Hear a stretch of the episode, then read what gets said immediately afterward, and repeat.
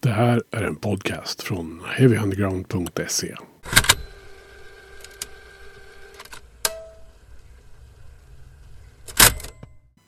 Ett sant nöje att ha Marcus Eriksson med i Heavy Undergrounds podcast. Eh, känd kanske för sitt fanzine Quarantine och för bandet Manic Ride som vi ska prata om. Välkommen till podden Marcus. Tack så mycket. Tack, tack.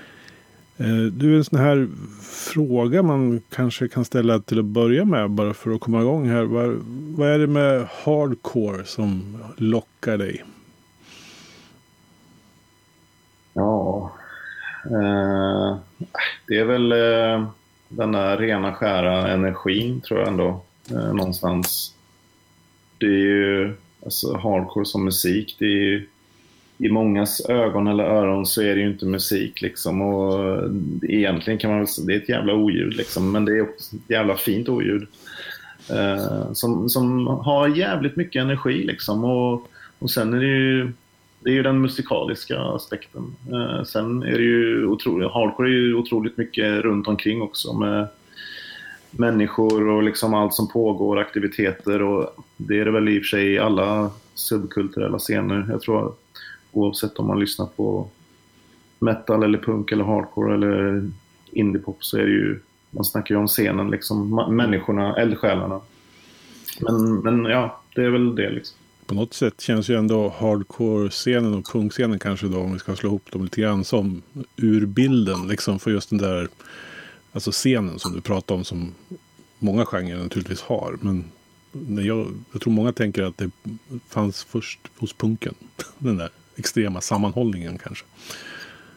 Ja, ja men det, det, det kanske det gjorde. Jag, jag vet faktiskt inte. Men det, jag kom ju in på det liksom början på 90-talet när hela den här vågen kom. När eh, alla som kom in ansågs som trendnissar. Liksom. Den vevan kom ju jag in i det. Så eh, jag fick ju, eller vi fick hela tiden höra att oh, ni bara hoppar på trenden och bla bla bla. Mm. Och då känner man så här, jaha, är det så eller är det bara du som är gammal och bitter? Jag vet inte.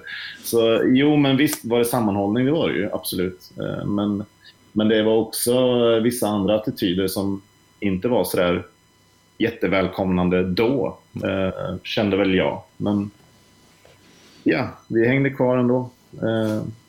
så det var ju någonting som, som höll en kvar. Och jag tänkte på det där, eh, du nämnde punken och, och, hardcore. Hardcore när jag kom in, det var ju väldigt mycket... Alltså jag kom in på punk först, svensk punk. Mm. Uh, och sen så dök man rakt in i, ja, först vi, och sen skatepunk och sen blev det mer hardcore som då var väldigt så metal inspirerat just den perioden. Men jag var väl alltid mer, alltså jag följer för alltså den snabba tvåtakten liksom. Att det skulle gå jävligt, jävligt snabbt liksom. Mm.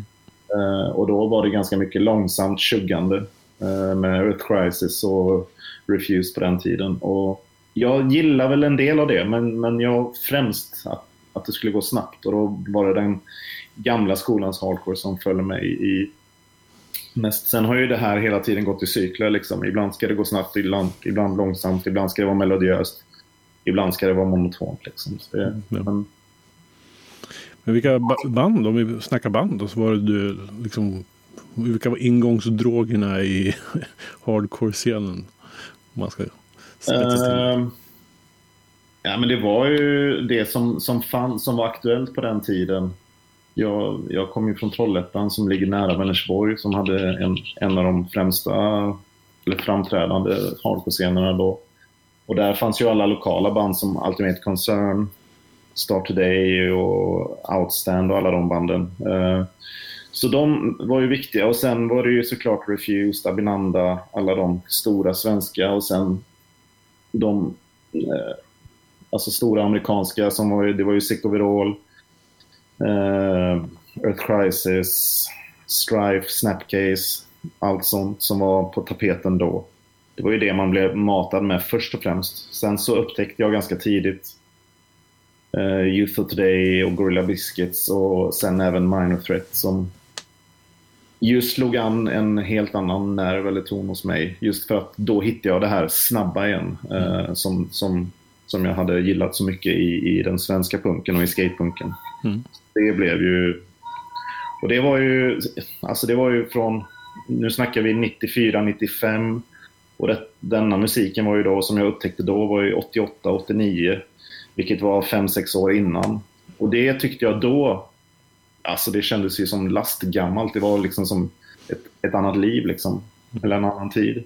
Men egentligen nu när man tänker tillbaka fem år nu, det, var, det, är, ju, det är ju ingenting liksom. Det är ju, Nej. eh, men så, då kändes det väldigt avlägset. Jag känner igen det. där. Jag var lite inne i det som man kan kalla för trallpunksvängen där i början på 90-talet. Och hängde i Köping på Smedjan och tittade på alla banden som kom dit. Men när man pratade om Asta Kask då, då, då var ju det ancient history. Liksom. Men det var ju så ancient var det ju egentligen inte då. Det var ju 6-7 år max liksom. Från Ja. deras absoluta storhetstid liksom. Så, så att, eh, men de var ju fortfarande på något sätt dinosaurier då liksom. I sammanhanget tyckte, tyckte man. Nu, nu har man ju tryckt ihop det där lite mer kanske till en sak. Men det, ja, det är spännande det där. Det, Mm. jag, tänk, jag tänker på det, hardcore-scenen. Det, det är ganska ofta den man pratar om hardcores olika scener beroende lite på vilken stad man kommer ifrån eller är i. Mm. Det, det jag upplever det är möjligtvis hiphop och kanske lite inom metal. Men liksom inte på det sättet som... Nej. Nej, det finns ju lite så eh, i, Göteborgs death och, och Stockholms uh, old school death metal och sådär. Liksom. Men, men eh, just det som du säger, hardcoren är ju väldigt utpräglat så. Jag vet inte varför det är så, men det kanske är lite för att det var så det startade i USA. Då var det väldigt så liksom centrerat.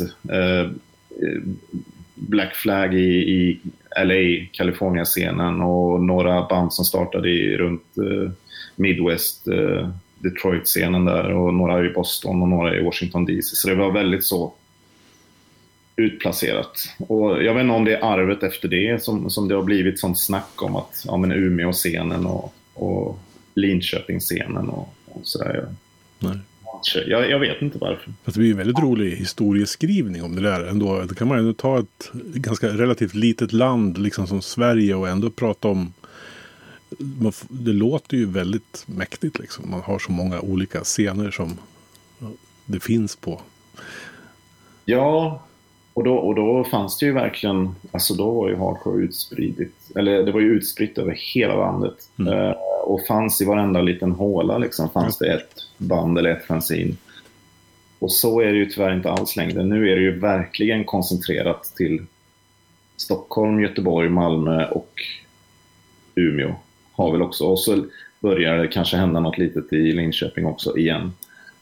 Eh, Men på den tiden så var ju Stockholmsscenen, Göteborgsscenen och Malmöscenen hardcore-mässigt var ju ingenting jämfört med Linköping och Vänersborg och Gislaved och massa sådana liksom, små hålor som man bara...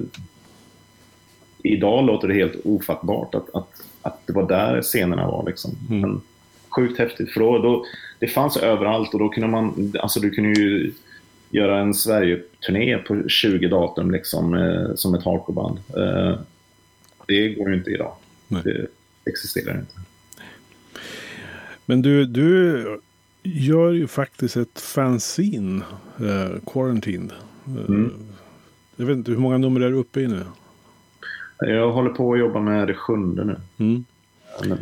Eh, när, när liksom blev du intresserad av den grejen? Har det alltid funnits med så länge du har varit inne på hardcore då eller? Ja, eh, jo men det har det väl. Alltså jag... under mitt första år från att jag... Eller alltså, ja, direkt när jag började gå på hardcore-spelningar så fanns det ju små här, försäljningsbord med där det låg skivor och tröjor och, och, och så då fanzines. Uh, och man var ju jävligt nyfiken på allting som man såg och hörde då. Så då gick man och kollade vad som fanns att köpa. Och så låg det en så små konstiga tidningar där. Eh, som såg väldigt spännande och hemmagjorda ut. Så då stod man och bläddrade där och så oh, står de alla mina favoritband här som jag inte kan läsa om någon annanstans. Vem är det som vad, vad är detta liksom? Jag blev helt paff Mm. när jag såg de här fanzinen. Så då köpte man ju direkt där, eh, ett gäng. Och sen dess har ju fanzines varit eh, mitt absoluta liksom så här, favoritmedium, kan man väl säga. Mm. Och jag gjorde ett fanzine väldigt tidigt. 90, slutet av 95, början av 96 där släppte jag mitt första fanzine. Sen gjorde jag en del fanzines under 90-talet och början av 2000-talet. Men eh, det är väl ingenting jag känner någon direkt att det är någonting som jag helst vill visa upp idag. Det är det inte. Det var jättedåliga publikationer.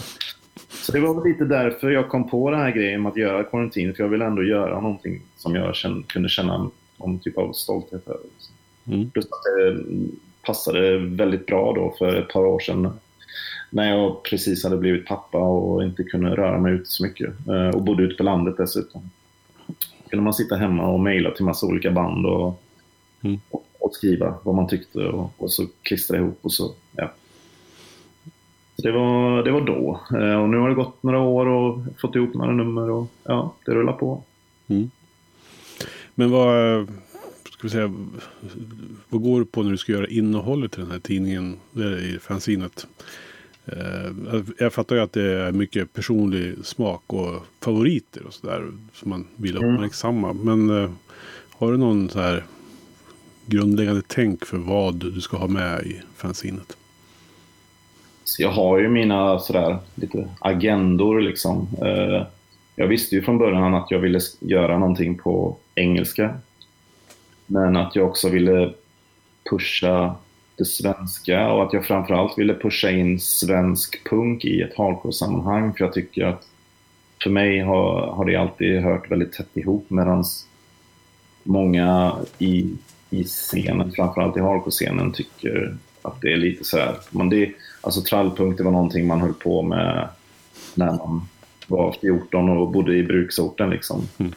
Som att nysa på näsan åt. Och jag vill utmana den grejen lite för jag tycker att det är en musik som fortfarande har mycket att säga, fortfarande har mycket att ge och, och det är någonting som är jävligt stort ute i landet. Uh, och, och, för mig så är det samma sak, det är melodisk hardcore liksom. Uh, så den, den biten vill jag föra in i ett hardcore-sammanhang och, och göra, presentera liksom mer internationellt. För även om eh, Asta Kasko liksom är, är, är kända utomlands, eller ja, relativt.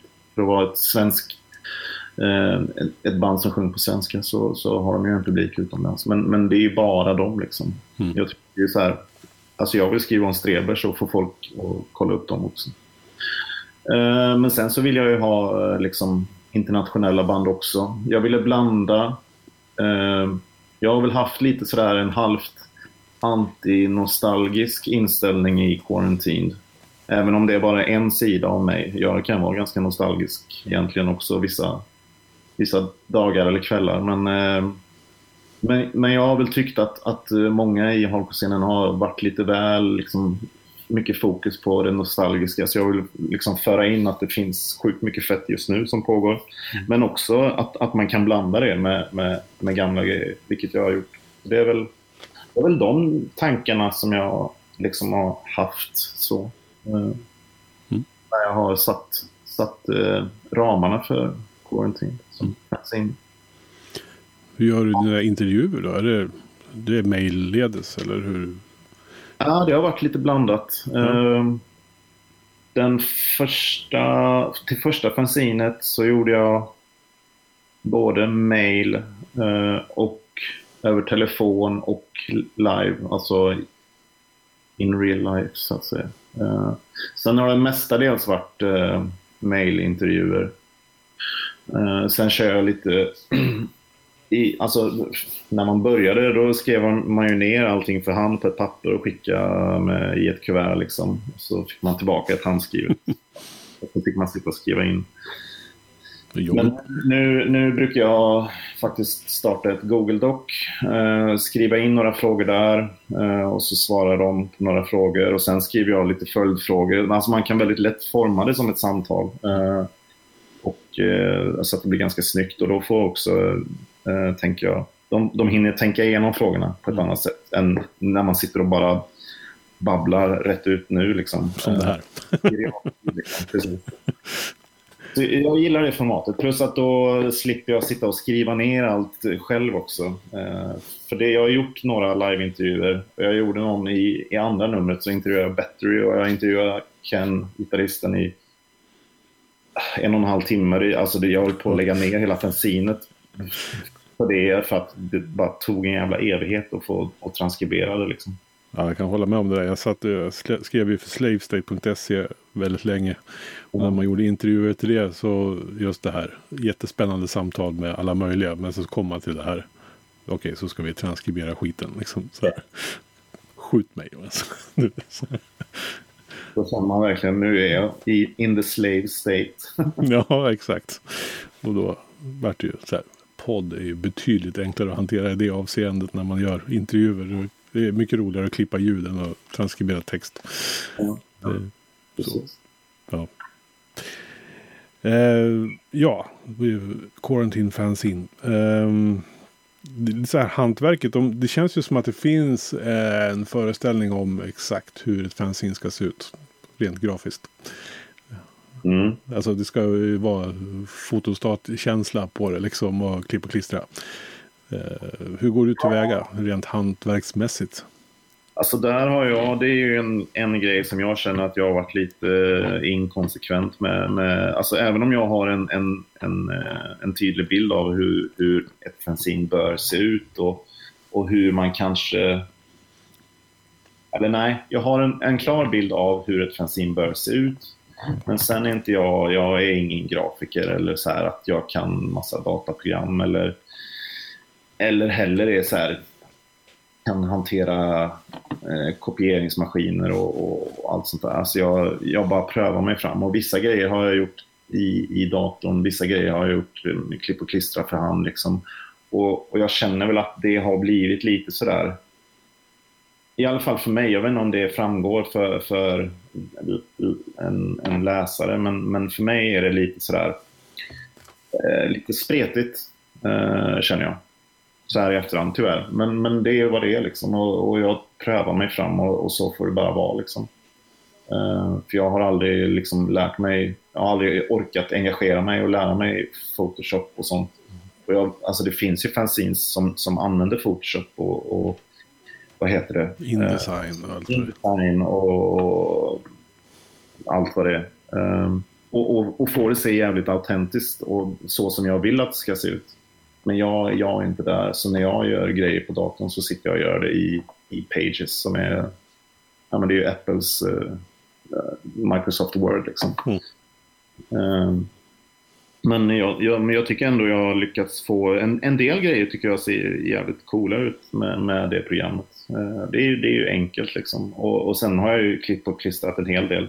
Vissa nummer har ju varit helt för hand. Uh, och, och, det ser ju bra ut. Men grejen är att det, ser, det, det skiljer sig eh, lite. Och det är det jag inte riktigt gillar, att jag inte har varit helt konsekvent där. Men det är för att jag inte riktigt har vetat exakt vad det är. Eller hur jag ska göra. Nej. Eh, men Quarantine, det har ju liksom spårat ur lite och du gör lite annat under den flaggan. Du har gett ut lite skivor. Ja, eh. och det får jag väl, eh, det kan jag inte riktigt ta cred för själv egentligen. Eller, eller, så för, eller att man ska skylla på någon annan beroende på hur man ser det. Men det var ju äh, min kompis Erik som, äh, som sjunger i, i Manic Ride. Mm. Äh, han sa, vad fan ska vi inte släppa en samlingsskiva? jag bara, va?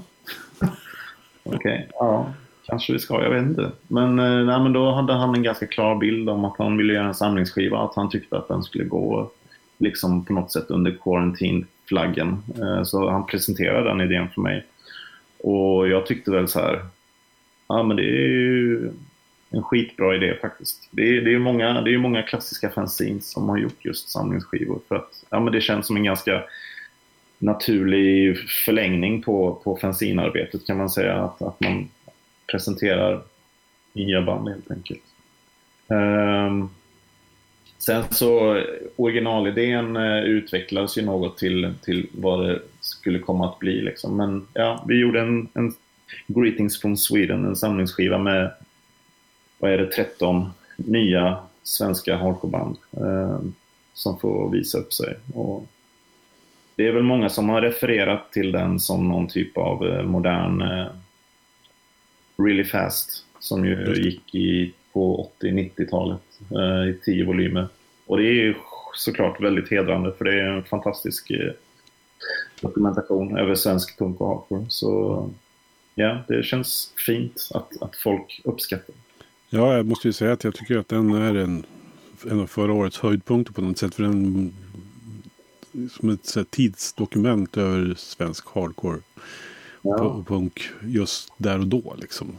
På, mm. och, och, inte bara som någon, ja, det här med digitalt versus analogt liksom. Men det blir, blir en helt annan grej när det är man får en fysisk sak i handen. Oavsett om det är på vinyl eller CD eller vad det nu är. Va? Men det blir ju ändå ett permanent avtryck på något sätt. Absolut. Uh, jag pratade om det, ja, det var häromdagen bara. Uh, om att jag var ganska avundsjuk på de som kunde helt nöja sig med den digitala biten och liksom fullständigt njuta av Spotify och allt vad det är. Mm. Men jag är fortfarande jävligt hooked på, på den fysiska upplevelsen och måste ha det liksom. Uh, och ja, det är därför det är viktigt liksom. För min egen del egentligen. Uh, att, att göra det på det sättet. Mm. Nu uh, har ju inte vi ens... vänta lite, nu ska jag bara... Oh, det var något Eh, nej, men eh, vi, vi, har ju inte ens lagt upp eh, Greetings-skivan på Spotify. Men, men det handlar ju inte om att vi på något sätt är fientligt inställda mot digitaliseringen så liksom. Utan jag vet inte varför. Det, vi har inte kommit till att fråga alla band om det är okej okay och sånt. Liksom. Eh, så vi vill ju göra det på rätt sätt. Liksom. Men, men det väl, finns väl någon tanke om att det ska upp på Spotify. Men, men för oss handlar det ju framförallt om om de fysiska släppen. Det är, de som, det, är det som är, känns relevant för oss. Liksom. Mm. Mm. Hur, var, hur valde ni banden då? Det är ändå 13 band eller vad du sa där, som skulle med. Äh, vi började skriva ner en lista med band. Eh, bara så rakt upp och ner. Mm. Och så började vi kontakta band efter band. Och vi hade väldigt många mer band på listan än, än, än, än vad eh, vi hann fråga. Liksom. Eh, vi, jag tror vi tog oss bara igenom halva listan tills det var fullbokat. Och det hade vi verkligen inte eh, förväntat oss. För vi, vi, vi, sa det att vi vill, vi vill ha osläppta exklusiva låtar. Och det, är, det är inte alla band som ger bort det sådär till någon okänd uppstickare liksom, eh, bara sådär. Så det var, det var också kul. Det, var, alltså det gick väldigt smid, eller det gick väldigt mycket smidigare än vad vi hade trott och väntat oss att sätta ihop sanningen. Mm. Och nu just i dagarna har vi, jag och Erik, sagt att vi ska börja plita ner band till en volym 2. Mm. Kul. Jag ja. tror det är en kulturgärning, skulle jag säga. Ja. Men alltså, hade du någon tidigare erfarenhet av att ge ut skivor sådär? Ja, alltså ja. jag har ju släppt några sådär enstaka skivor som liksom legat i driver i något hörn i, i, i någon vindsförråd liksom. Eh, det, det, har jag gjort ett par gånger och aldrig liksom eh, klarat av att gå hela vägen med det. Eh, så det, det absolut det har jag gjort, men jag har inte jag har inte gjort det på, på så på riktigt som nu liksom. Uh, och där har jag väl lite Erik att tacka också. Att, att, det faktiskt har gått att genomföra på ett ganska smidigt sätt. Det, det, det är otroligt mycket enklare när man är två och kan liksom backa varandra. Ja, det um, absolut. Ja. Jag tänkte bara eftersom jag menar, jag har ingen aning om hur man gör en skiva. alltså. Nej, men det vet väl inte jag heller egentligen så. Alltså, jag får ju be om eh, tjänster till höger och vänster. Och liksom, kan du fixa det här? Kan du göra det här? Mm. Och sätta ihop omslag och, och mastra och allt vad det är. Liksom. Eh, och sen liksom få, ihop, få in de här filerna i rätt format. Och, jag, jag, jag vet inte vad jag håller på med. Jag är princip en teknisk idiot. Så för mig är det ju bara liksom att eh, jag sitter och, mm, säger man, delegerar ut uppgifter och sen så kommer den fysiska produkten och så känner man sig jätteduktig. Ja. ja, men... Eh, men som sagt, du ägnar dig inte bara åt fanzine och ljudsamlingsskivor. Du spelar ju faktiskt eh, själv också. Mm. Eh, I Manic Ride. Vad, vad, vad, är liksom storyn bakom det bandet? Kan du dra den lite kort sådär? Alltså grejen är, det startade väl liksom med att jag flyttade från äh, Göteborg till Malmö. Och jag, jag har ju spelat i band äh, lika länge som jag har varit inne på punk liksom. Mm. Och gjort det på olika nivåer. Mer och, mer och mindre seriöst. Äh, men sen eh, när jag när det liksom blev allvar med min eh, flickvän här, i, blivande sambo i Malmö, när vi skulle få barn och sådär och jag flyttade ner. Så då hade jag liksom inget att spela med längre. Eh, samtidigt som jag visste att det fanns ett, ett, en massa folk här som jag kände, som jag kunde spela med. Eller skulle kunna spela med. Som var lite i samma situation som jag själv med, med, med småbarn och familjeliv och sådär. Jag visste redan att det skulle inte kunna bli på samma nivå som jag hade gjort det tidigare med turnéer hit och dit. Liksom. Men man vill ändå fortsätta vara kreativ och, och ja, stå och riffa lite på tisdagskvällarna eller vad det nu blir. Liksom. Mm. För, att, för att hålla sig mentalt frisk liksom, på något sätt. Um, så jag hade lite olika liksom, provrep och möten med diverse folk tills jag hittade de här fyra som det var då. Eh, eller tre var det då. Eh, Ulf, Erik och David. Alla av, av, av en slump eh, från Linköping allihopa. Jag kände ju alla sedan tidigare så jag vet inte om det var en slump så egentligen men att, att alla just råkade vara från Linköping. Men eh, så det var ju inga, vi var ju inte nya för varandra på något sätt. Ehm, men sen har vi ju bytt line-up sen dess. Och eh, nu är vi fem och Ulf har gått från trummor. Han är ju ingen trummis utan han är gitarrist och nu spelar han gitarr. Så nu eh, låter det ju faktiskt bra på riktigt, tycker jag. Nej, men så, så ja, men det var bara en, en, en vilja att, att göra någonting för att liksom, man känner fortfarande drivet och suget. Liksom. Även om man in, inte vill ut och röja varje helg. Liksom. Man, det är något, något behov liksom, som man behöver få ut ur sig. Mm. Om du skulle beskriva hur ni låter då för någon som inte har hört det. Vad, vad är det för typ av hardcore ni spelar? Ja. Det var någon som någon gång beskrev oss som att vi plockar russinen ur hardcore och punkkakan, vilket jag tyckte var fantastiskt fint beskrivet. För inte bara, alltså det är ju så här, inte för att jag tycker att vi är världens bästa band och bara har de absolut bästa bitarna. Så är det ju inte. Men, eh, utan mer att vi, vi plockar verkligen lite överallt från eh, olika band och olika scener. Vissa band är verkligen så att de går rakt in för att, eller all in för att liksom låta exakt som ett eller två typer av band.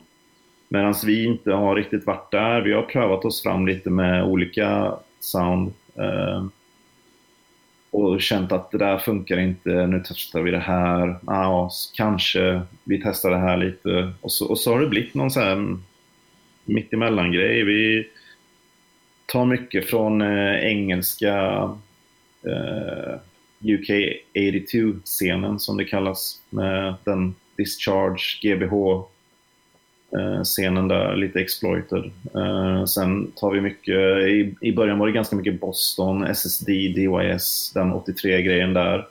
Sen har vi en hel del Black Flag och Blast-grejer, eh, California-grejer.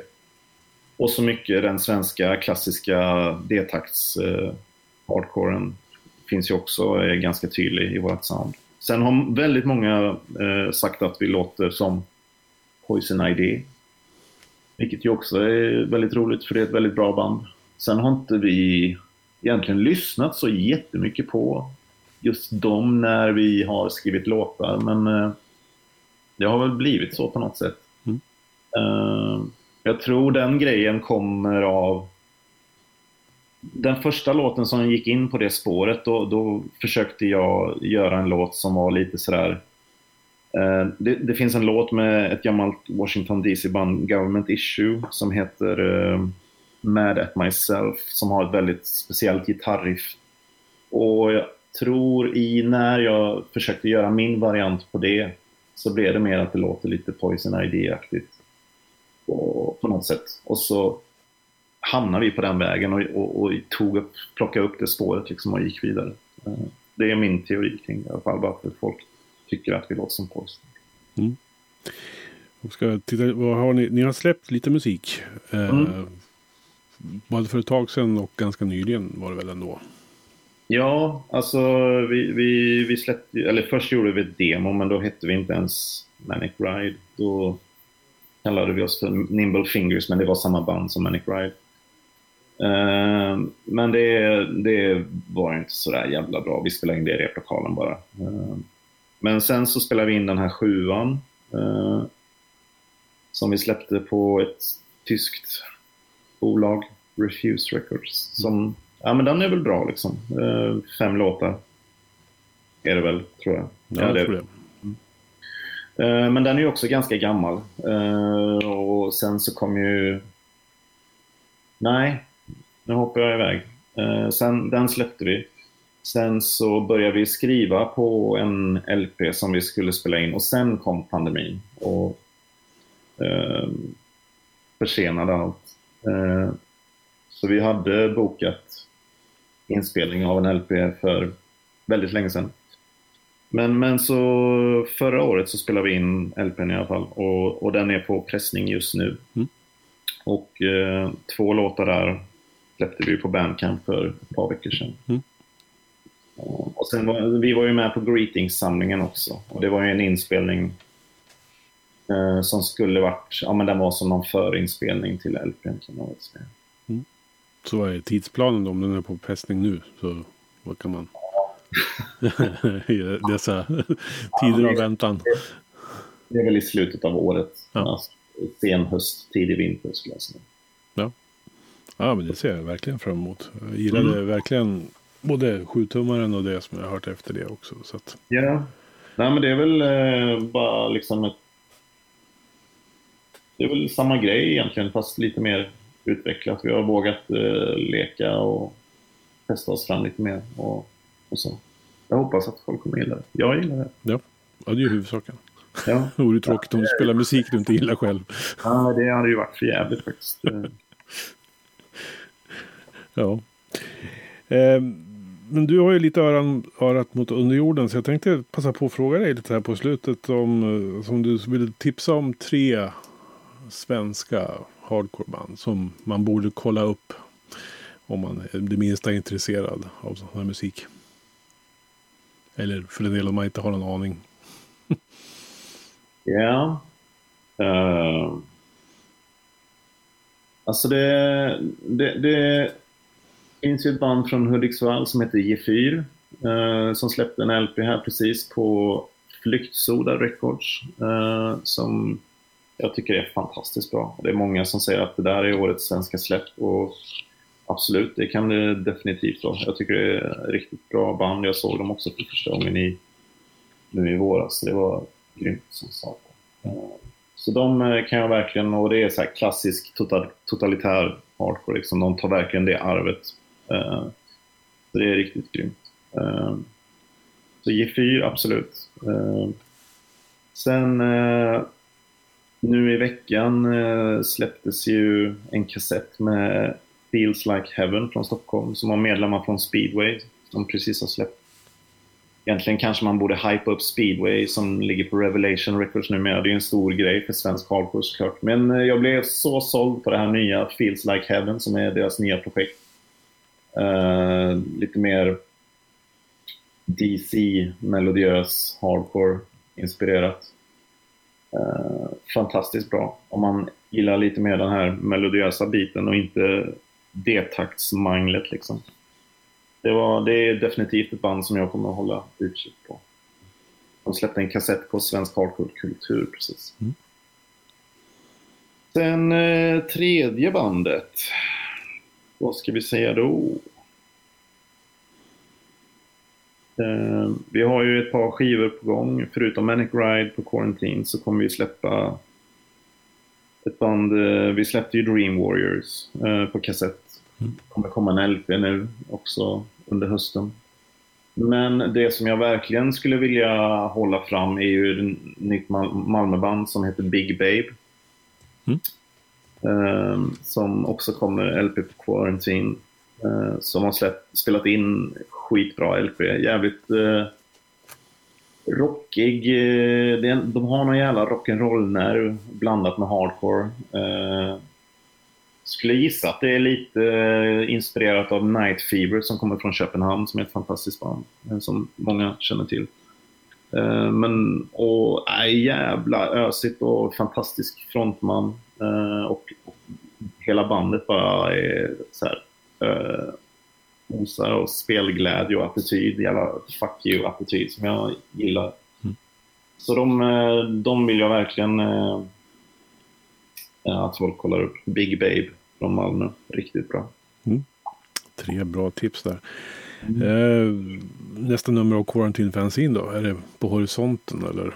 Ja, men det är det. Absolut. Ja, det mesta i fanzinet är klart. Eh, jag har lite grejer kvar att skriva. Jag måste sätta ihop lite recensioner och sånt där. Så det kommer komma under, men under sommaren. Liksom. Jag kan inte säga ett exakt datum. För nu det är fullt ös som vanligt. Även om man ska försöka ha lite semester så ska man också försöka ha semester och inte låtsas semester när pappa sitter vid datorn och hamrar frenetiskt och barnen skriker i bakgrunden. Så jag kan inte säga exakt när, men, men det, det kommer komma under sommaren. Uh, det, kommer, det kommer bli ett bra nummer känner jag. Det ser vi fram emot. Eh, mm. Man följer dig på de sociala medierna. Så. Mm, precis, det är ju Quarantined Hardcore på Instagram framförallt. Som mm. väl, eh, även om jag, jag har varit lite slö med uppdateringar nu under, under året, eller halvåret som har varit. Men, men det, det är där man ska hålla utkik om man, om man är nyfiken. Ja, då gör vi det. Yeah. Marcus, tack. Det har varit jättekul att prata med dig om det här. Och fortsätt göra det fantastiska jobb du gör. Tusen tack. Jag ska ånga på så länge det går. du har lyssnat på en podcast från heavyunderground.se. Jag som säger det heter Magnus Tannegren och är den som producerar och intervjuar i den här podcasten.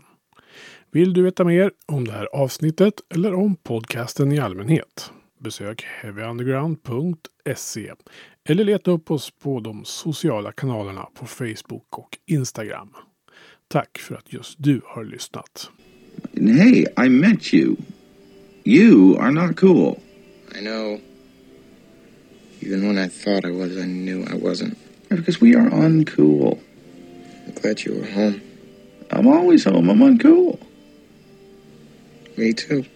You're doing great. You know, the only true currency in this bankrupt world is what you share with someone else when you're